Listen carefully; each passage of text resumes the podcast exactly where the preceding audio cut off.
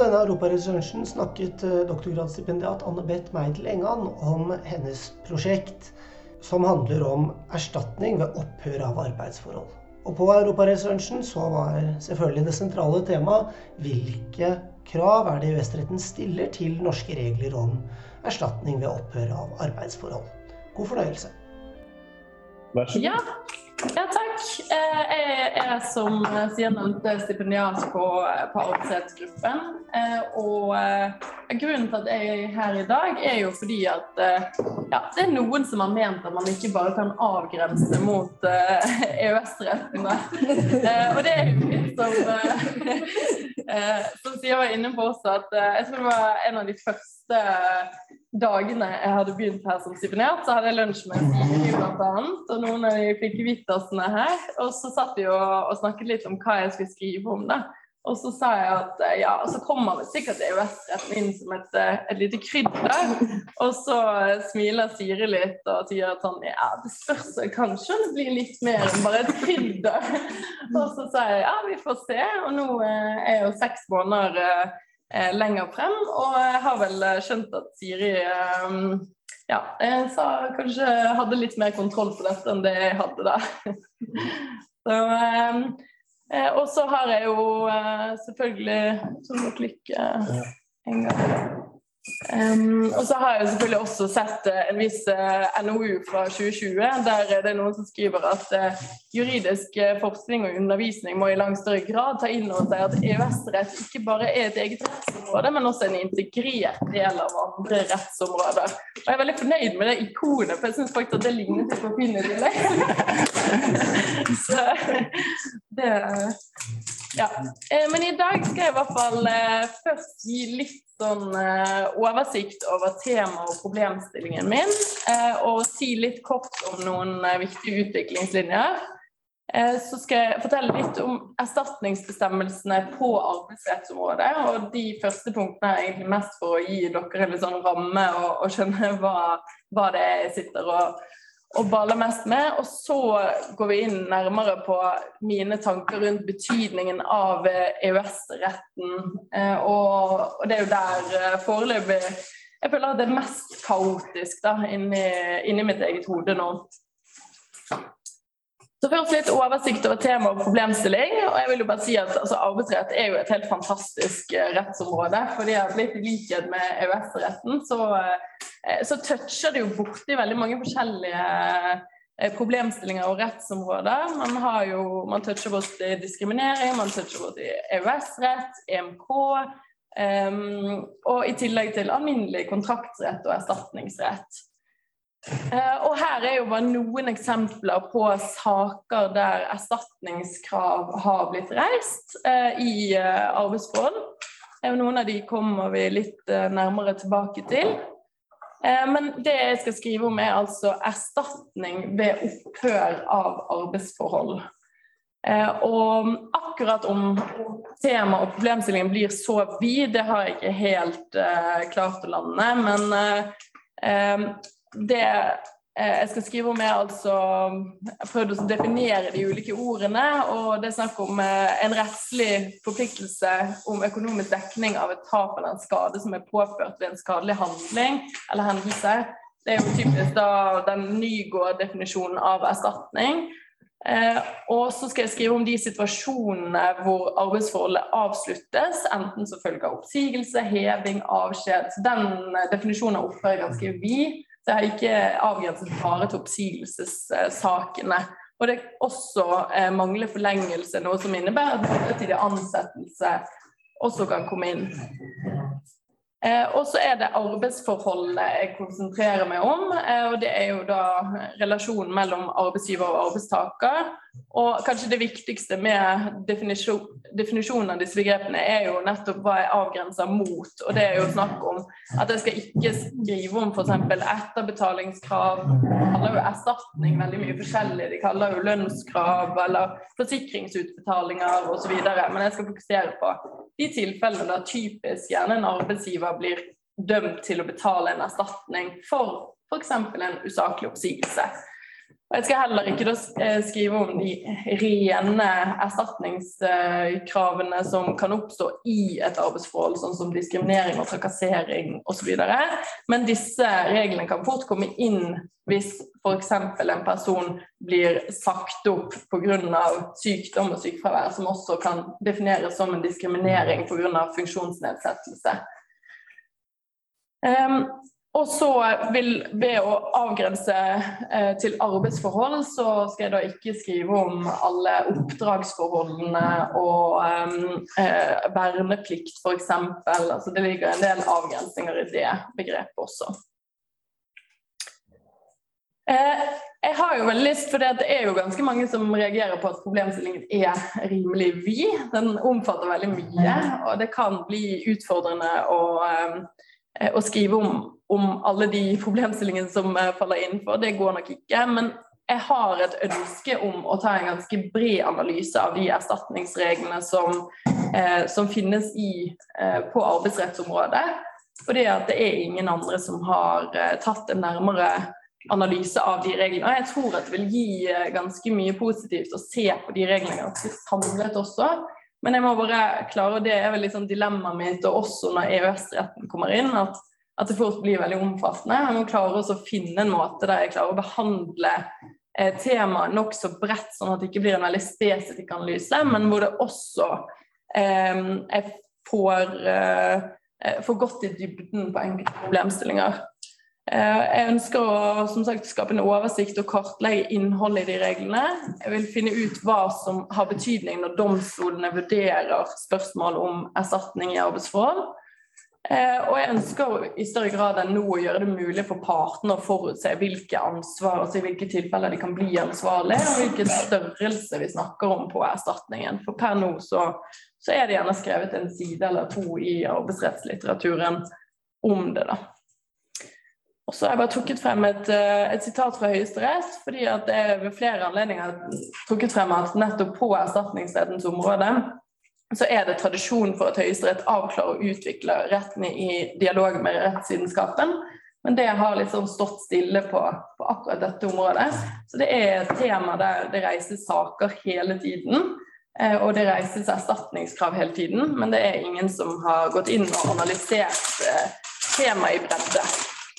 Så um, For å oppsummere litt, så er det etter mitt syn et aktuelt tema. Fordi at kravene reises stadig vekk. Det berører flere rettsområder. Erstatningsrett, kontraktsrett, EØS-rett og menneskerettigheter. Det mangler teori og analyse, og det er masse uløste spørsmål.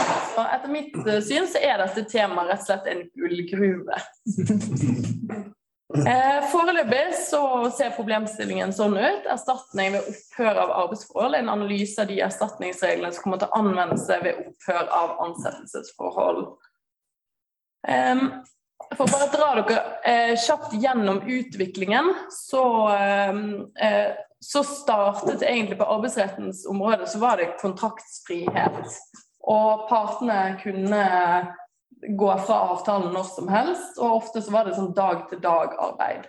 Og I de tidlige forarbeidene så var jo det det klassiske argumentet mot restriksjoner eh, var jo alltid at en, en rettighet for arbeidstakerne grep inn i kontraktsfriheten mellom partene. Hvis man ser eh, Her er et godt eksempel fra Høyesterett, hvor de sier at i et alminnelig arbeidsinnleieforhold kan etter norsk rett utvilsomt en arbeidsgiver si opp folk fra sitt arbeid etter eget skjønn og godtykke med lovlig frist uten å behøve å angi eller påvise noe forsvarlig grunnlag eller noen grunn overhodet. Så det er litt sånn der vernet starter. Og det er jo 1935, det er jo en stund siden, men det er jo ikke så lenge siden. Men etter det så har det virkelig skutt fart. Eh, for i 1936, kanskje litt sånn i kjølvannet av denne saken, så, så, kom det inn eh, et krav om saklig grunn for å si opp en ansatt. Men da var det erstatning som var den eneste sanksjonen på brudd på saklighetsnormen.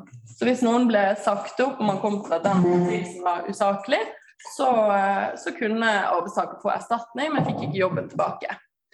I 1956 så kom det en ny arbeidervernlov, Og der var fortsatt erstatning hovedregelen ved oppsigelse, eh, eller ved usaklig oppsigelse. Men det var en snever adgang til også å beslutte um, gjeninntreden. Men det var, en, en, altså det var ikke det samme som ugyldighetsvirkning som vi har i dag. Og det var en, en virkning som i begrenset grad ble brukt. Eh, I 1977 så ble oppsigelsesvernet vesentlig forsterket. og Det var først da det kom en, et utgangspunkt om at en usaklig oppsigelse skulle være ugyldig. Og så, i 1994 eh, med EØS-avtalen, så fikk vi jo inn masse nye minimumskrav fra EU. Eh, og der var det jo på det tidspunktet så var det jo veldig mange som tenkte at ja, de reglene vi har i norsk rett, de er jo egentlig um, minst på høyde med EU. Uh, Eh, men der fikk man jo se en liten overraskelse at EU-retten kom jo inn og fikk betydning på ganske mange områder, bl.a. med, med masseoppsigelse ved drøfting og ved virksomhetsoverdragelse, ikke minst. da. Eh, ja. Også I 2005 så fikk vi ny arbeidsmiljølov, og der ble vernet i mye langt på vei eh, videreført. Men 1512, eh, som er den erstatningsbestemmelsen som gjerne vil stå i fokus i min avhandling, eh, den ble i større utstrekning brukt som en sånn samlebetegnelse for, eh, som sanksjon for veldig, altså brudd på veldig mange rettigheter i arbeidsmiljøloven. Og som vi kommer tilbake til, så, så er jo det en bestemmelse som en sanksjonsbestemmelse både for brudd på nasjonale, altså rent nasjonale bestemmelser og EØS-baserte bestemmelser. Så litt om de erstatningsbestemmelsene vi har på arbeidsrettsområdet. Eh, jeg har valgt å dele de inn i eh, diskriminering, stillingsvern og varsling. Fordi at eh, de fleste kan egentlig kategoriseres innenfor en av de tre kategoriene. Og så har man også kontraktsansvaret og deliktsansvaret, som ligger litt på siden. Fordi at et arbeidsforhold er jo også et kontraktsforhold. Eh, og så er det jo et langvarig kontraktsforhold, sånn at eh, det kan jo oppstå tilfeller der eh, f.eks. mobbing på arbeidsplassen har jo typisk eh, eh vært eh, fremmet som culpa-krav. Og så kommer jo både EØS-retten og EMK på, inn på disse reglene. Og her har vi litt sånn hensyn at i i klassisk kontraktsrett er det gjerne maktbalanse og reparasjon som står sentralt, mens i den alminnelige erstatningsretten så er det prevensjon, gjenopprettelse, pulverisering. Og så har man jo da EMK og EU-retten, hvor effektiv håndhevelse og likebehandling kommer, eh, kommer sentralt inn. Jeg har lagt en liten oversikt, fordi det er også et litt sånn interessant spørsmål i denne i min avhandling litt sånn hvor, hvor, skal erstatning i arbeidsforhold plasseres inn i dette landskapet? Fordi at det ligger litt, litt midt mellom kontraktsansvar og deliktsansvar. Um, og så er jo spørsmålet i hvilken grad har dette skillet noe særlig betydning? Er det et navn på resultatet snarere enn enn et godt analyseverktøy? Men det er jo også noe jeg skal se litt på. Eh, arbeidsmiljøloven har jo hovedsakelig tre eh, erstatningsbestemmelser. Det er jo Den første der er jo oppreisning av erstatning ved brudd på forbudet mot gjengjeldelse ved varsling. Eh, så har man virkning av brudd på diskrimineringsforbudet i 13.9. Og så har man 15.12 med virkninger eh, for, ved usaklig oppsigelse. Og som vi skal se, så kommer den 1512 eh, inn på ganske mange andre bestemmelser som ikke står nevnt i 1512, men som er henvist til fra andre bestemmelser. Eh, skipsarbeidsloven har egentlig ganske mye de samme erstatningsbestemmelsene. Også diskriminering eh, og vern mot gjengjeld ved varsling. Også virkning av brudd på diskriminering. Og ved oppsigelse og det samme gjelder for uh, statsansatte. Den bestemmelsen er formulert litt annerledes, men det sentrale er nok at det stort sett ofte snakk om omvendt bevisbyrde. At det er arbeidsgiver som må sannsynliggjøre at det ikke er grunnlag for erstatning. Og uh, det er også skjønnsmessige bestemmelser, sånn at uh, det er et objektivt ansvar hvis det er brudd på en bestemmelse, og så er det skjønnsmessig utmåling av erstatningen. Det ser vi jo her i 1512 at arbeidstaker kan kreve erstatning dersom oppsigelsen er i strid med 1506-1511. Erstatningen eh, fastsettes til det beløp som retten finner rimelig under hensyn til det økonomiske tap, arbeidsgiver og arbeidstakers forhold og omstendighetene for øvrig. Og så har jeg laget en liten oversikt over de bestemmelsene som igjen henviser til 1512 som en sanksjonsbestemmelse. Og det er jo rimelig mange. Alt fra innleie, som er en EØS-basert eh, rettighet. Fast midlertidig ansettelse har jo en EØS-rettslig eh, e side. Eh, så har man virksomhetsoverdragelse. Og så har man også i tilfelle oppsigelse ved svangerskap, altså vern for gravide. Og man har også vern ved sykdom i diskrimineringslovgivningen. Så det er veldig mange av de bestemmelsene som 1512 er ment å sanksjonere, som har en EU-rettslig eh, side. Så litt nærmere om tankene rundt betydningen av EØS-retten. Og som jeg nevnte, så er det jo litt sånn at uh, Altså, jeg var ganske overrasket når jeg begynte å grave litt ned i bredden av de EØS-rettslige spørsmålene. Hvor mange år jeg har jobbet uh, som advokat uten å egentlig tenke så veldig mye over uh, EØS-rett. Det var litt skummelt, egentlig. Og Derfor har jeg også, ikke for å henge ut noen, men jeg har tatt med et sitat fra en bok eh, på arbeidsrettsområdet. En ganske ny, eh, stor bok. Det er ikke Mariannes bok. Som viser litt eh, gjerne hvordan man, man, kan tenke om betydningen av EØS-retten på arbeidsrettsområdet. Her står det jo altså at rettskillemessig er det uproblematisk Eh, å forholde seg til EU-retten på arbeidsrettens. Arbeidsmiljøloven er løpende blitt oppdatert med de relevante direktivene, slik at rettsanvenderen kan ta utgangspunkt i de norske eh, kildene. Eh, og det er jo eh, kanskje litt sånn I hvert fall når jeg har begynt å grave litt ned i disse spørsmålene, så ser jeg at det er en ganske sånn skummel, skummel inngang til det. Og faktisk i en uh, nyere høyesterettssak der det forventes dom uh, nå hvert øyeblikk, det blir jo litt spennende å se hva Høyesterett skriver om det. Men der ble partene i den saken enige om at en bestemmelse i arbeidsmiljøloven skulle konsumere en bestemmelse i likestilling og diskrimineringsloven.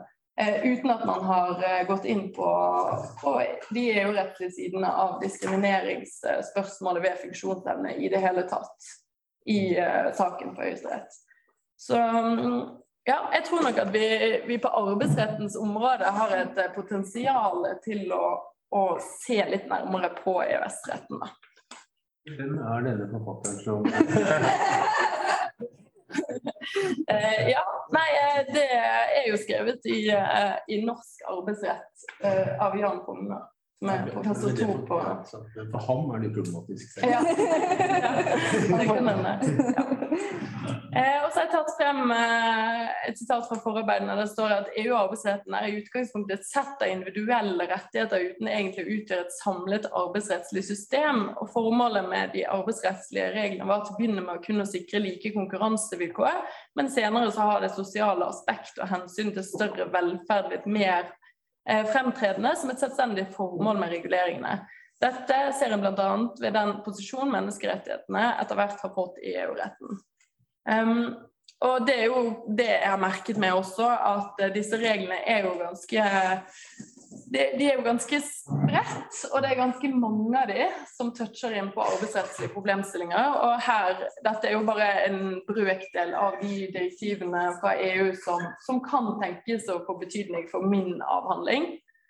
Jeg kommer litt tilbake til, til, noen av de, men det er jo alt fra de, de overordnede regler reglene om fri bevegelighet og etableringsrett, og så er det jo også ja, regler om masseoppsigelse, likebehandling, virksomhetsoverdragelse osv. Og på min, altså Når det kommer til min problemstilling, som er å se nærmere på de erstatningsbestemmelsene som, som foreligger, så, så, tenker jeg også at EØS-avtalen artikkel 3 eh, blir ganske sentral. Um, Og da er det jo, står det jo her at eller Dere kjenner jo veldig godt til denne bestemmelsen, men det er jo at avtalepartene skal treffe alle generelle eller særlige tiltak som er egnet til å oppfylle de forpliktelser som følger av avtalen.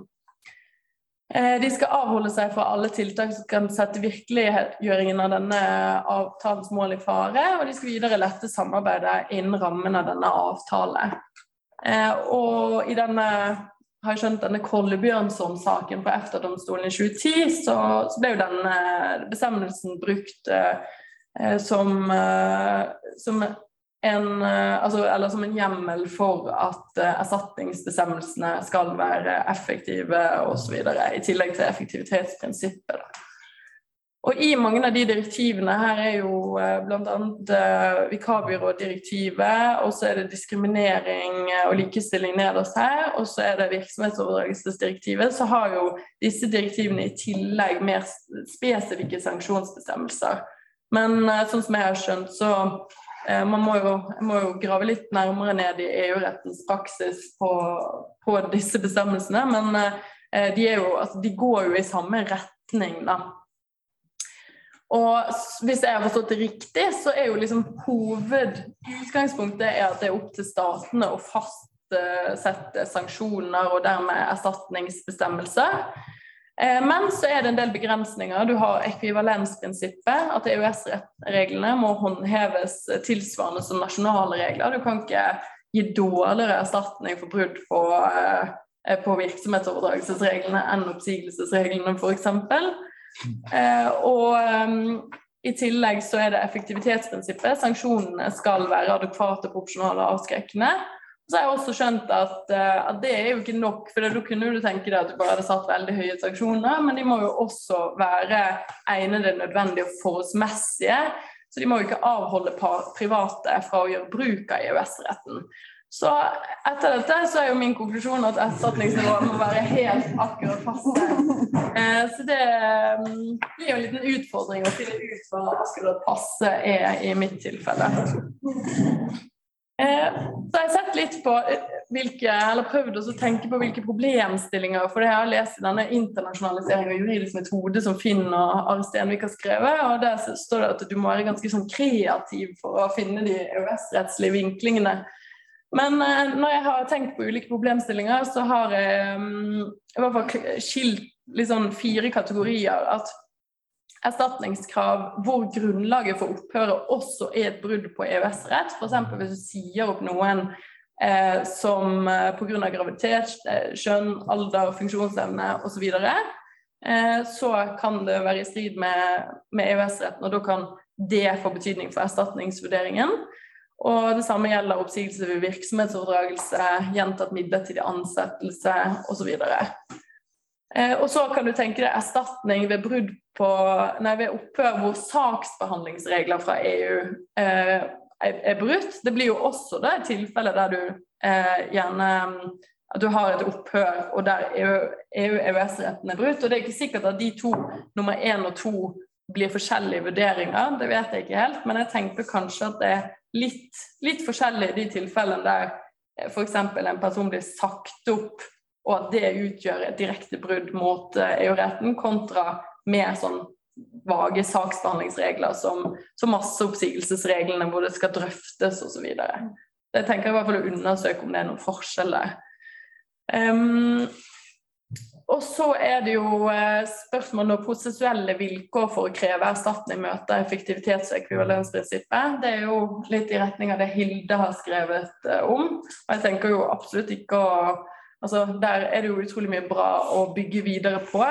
Men jeg må jo se litt nærmere på å vurdere f.eks. søksmålsfrist. For i arbeidsmiljøloven så er det jo en seks måneders søksmålsfrist for å kreve erstatning. Eh, og den, eh, som jeg skal komme tilbake til, så har det nylig vært et sak for eh, Høyesterett der man touchet innom det spørsmålet. Og så er det jo spørsmålet med utmålingen av erstatning. I hvilken grad får EØS-retten betydning der, i og med at det er en bestemmelse som både er en sanksjon for EU-forpliktelser og nasjonale forpliktelser, så vil jeg jo typisk tenke at, at det vil få ganske smitteeffekt over hele linjen. fordi at at sanksjonsnivået må jo være ganske likt da, for, eh, for de fleste bruddene. Og så er det jo også spørsmål om F.eks. sånn som det var i denne Kolbeinsson. Den gjaldt jo riktignok eh, erstatning ved brudd på HMS-lovgivning, men likevel så kom jo, eh, så jo EFTA-domstolen til at en lemping av erstatning, eller det at erstatningen falt bort ved medvirkning fra den ansatte, eh, at det ville kunne undergrave EØS-retten. Sånn at, og Det gjaldt særlig et tilfelle, i et tilfelle der arbeidsgiver hadde hovedansvaret for for at forpliktelsene var overholdt. Så jeg tenker jo at I veldig mange tilfeller så er det jo nettopp en vurdering av eh, arbeidstakers forhold i de sakene som jeg skal se på. Og Da er jo et spørsmål kan man ta hensyn til det, og kan man sette ned erstatningen. Så bare kort noen konkrete eksempler fra, fra eh, virkeligheten. holdt på å si. Eh, her var det jo nylig en sak, jeg vet ikke hvor mange av dere som er kjent med den, men eh, det det gjaldt jo beregningen av søksmålsfrist ved, ved virksomhetsoverdragelse. Og der eh, partene brukte ganske mye tid for Høyesterett på å argumentere rundt eh, effektivitetsprinsippet. Eh, og her bruker egentlig Høyesterett anerkjenner jo at EØS-retten har betydning, også, men de, de, tar utgangspunkt i norsk rett og tolker formålet med bestemmelsen, og så bruker de effektivitetsprinsippet som som en, eh, et støtteargument. At det trekker i samme retning som, som formålsbestemmelsen. Og så landet de ned på, eh, på det, den eh, søksmålsfristen som ga best mulighet til å få håndhevet rettighetene sine for domstolene.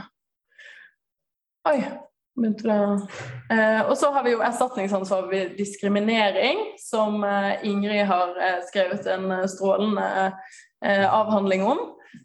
Som gjaldt denne saken hvor disse helikopterpilotene ble sagt opp ved fylte 60 år. Og der Høyesterett i 2012 kom til at det, i lys av en, en dom fra EU, var i strid med diskrimineringsforbudet men så kom jo Høyesterett i 2017 til at til tross for at det var i strid med diskrimineringsforbudet å si opp disse helikopterpilotene, så eh, var det basert på eh, et rettskildebilde i 2008, så var det ikke aldersdiskriminerende. Og den saken er jo ekstremt eh, spesiell og har jo blitt eh, kritisert av Ingrid bl.a.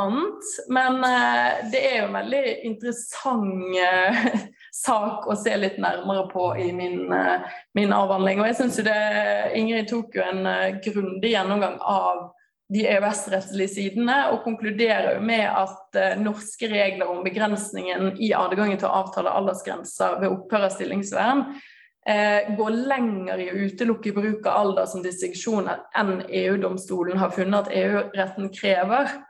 Og Det samme gjelder også det objektive erstatningsansvaret som går utover de krav som er oppstilt i EU-domstolens praksis.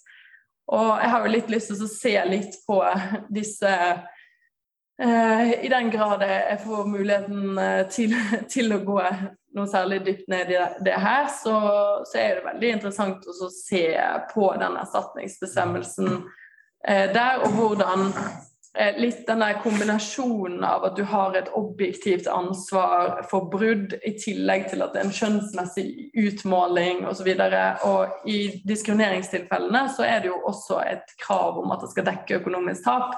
Noe som i denne COC-saken innebar veldig, en veldig høy erstatning. Og så har du også brudd på regler om masseoppsigelse. som der, altså Den er jo gjennomført i arbeidsmiljøloven 15.2, men der er det ingen tydelige konsekvenser av brudd på bestemmelsen. Og Der kan man jo stille spørsmål i lys av EU-rettens praksis om det er nok. Altså er det, en, er det noen muligheter til å effektivt håndheve den bestemmelsen? For det at du har indirekte det ved at hvis du bryter reglene om masseoppsigelse, så kan jo domstolene komme til at det har ikke vært en forsvarlig saksbehandling, og dermed skal oppsigelsen kjennes ugyldig. Eh, og det kan få betydning for erstatningsnivået, men eh, i utgangspunktet så er det ikke noen sånn klar link mellom, eh, mellom den bestemmelsen og noen, noen, sanksjoner. Så jeg har også lyst til å se litt på det, også i lys av at i den Kolbeinsson-saken så, så, uttalte de jo at eh, at når en bestemmelse ikke får noen konsekvenser, så blir det mer altså mere declarations. Og dette er kanskje litt mer et søkt eksempel, men jeg har jo lyst til å se eh, på de tilfellene gjerne der en ansatt eh, opptrer illojalt eh, i forbindelse med et opphør, at de stikker av med en del forretningshemmeligheter og sånn. Og da har jeg stilt spørsmål på den ene siden så tenker jeg at det kan kanskje oppstå spørsmål om det kan være i strid med etableringsfriheten, om selskaper ikke får mulighet til å planlegge virksomheten sin eh, på, eh, altså mens de er ansatt et annet sted, da, men på fritiden. Altså Går det for langt Der har det jo i en del rettspraksis eh, sagt at konkurranse er sunt, sånn at man skal ikke legge opp til en for eh, stor begrensning i eh, adgangen til å starte ny virksomhet. Eh, men samtidig, i og med at Eh, det har vel blitt lagt til grunn at konkurranseklausuler og sånn ikke er i strid med EU-retten, så tviler jeg vel på at dette blir eh, en veldig sånn stor problemstilling. Men eh, lurte på om jeg skulle se litt på det, og også om eh, illojaliteten i seg selv kan være i strid med EØS-retten. For det at eh, når jeg jobbet med en sånn illojalitetssak for en del år siden, så var det jo eh, noen som hadde på fritiden uh, sittet og kopiert med seg alle prislistene til et selskap. Så startet de et nytt selskap, og så kunne de matche prisene og sette det to kroner under. Og det er jo spørsmålet, er det sånn prissamarbeid, eller altså, kan det være i strid med EU-retten på noen måte? Men jeg har ikke gått noe nærmere inn i det. Bare med, men her, der ser du på en måte erstatning som den ansatte må betale. Ja. Så det blir liksom den andre, Ja. andre siden av Ja, og det er jo et stort spørsmål generelt om, om jeg bare bør, bare bør behandle erstatningskrav fra arbeidstaker mot arbeidsgiver. Eh, og avgrense mot disse tilfellene, men eh, har ikke helt eh, bestemt meg for det. Men nå er jeg snart eh, ferdig. Her skulle jeg bare egentlig vise til den Kolbeinsson-saken. Eh, som jeg har nevnt et par ganger, der, eh, der, de egentlig sier veldig tydelig at en ansvarsfordeling i strid med direktivet vil derfor undergrave den effektive håndhevelsen av direktivet, selv om arbeidsgiveren i andre saker blir straffet for manglende overholdelse. Så De er veldig tydelige på at, eh, at arbeidsgiver ved et brudd som dette må få en sanksjon. Ja. Eh, sånn som jeg har lagt opp foreløpig i avhandlingen, så har jeg ja, og Det er jo egentlig sånn mitt store spørsmål til dere, hvordan jeg skal angripe de EU-rettslige spørsmålene. Fordi at Foreløpig har jeg i hvert fall lagt opp til å ha en litt sånn bakgrunn- og kontekstdel der jeg diskuterer litt mer sånn allmenne internasjonale spørsmål og EØS-rettslige spørsmål. Og så har jeg lyst til å forsøke å integrere spørsmålene og ta de opp der de hører hjemme underveis i avhandlingen. Men så må jeg bare passe på at ikke ikke under hver problemstilling eh, stadig skal drøfte effektivitet, og så kommer jeg liksom med det samme hele veien. Så her har kanskje dere noen gode innspill på hvordan uh, man bør angripe det. Og det er også litt sånn Jeg skjønner ikke helt hvordan jeg skal klare å få oversikt over EU-retten uten å bruke ti år på å sitte og gjennomgå dommer fra EU-domstolene. Ja. Ikke engang i dag. Nei. Nei. Så, så, det var egentlig det jeg hadde å si om, uh, om foreløpige tanker. Og så er alle innspill eh, tas imot med stor takk. Tusen takk, dette var jo veldig flott. Skal jeg bare stoppe, stoppe delingen her og ikke minst opptaket.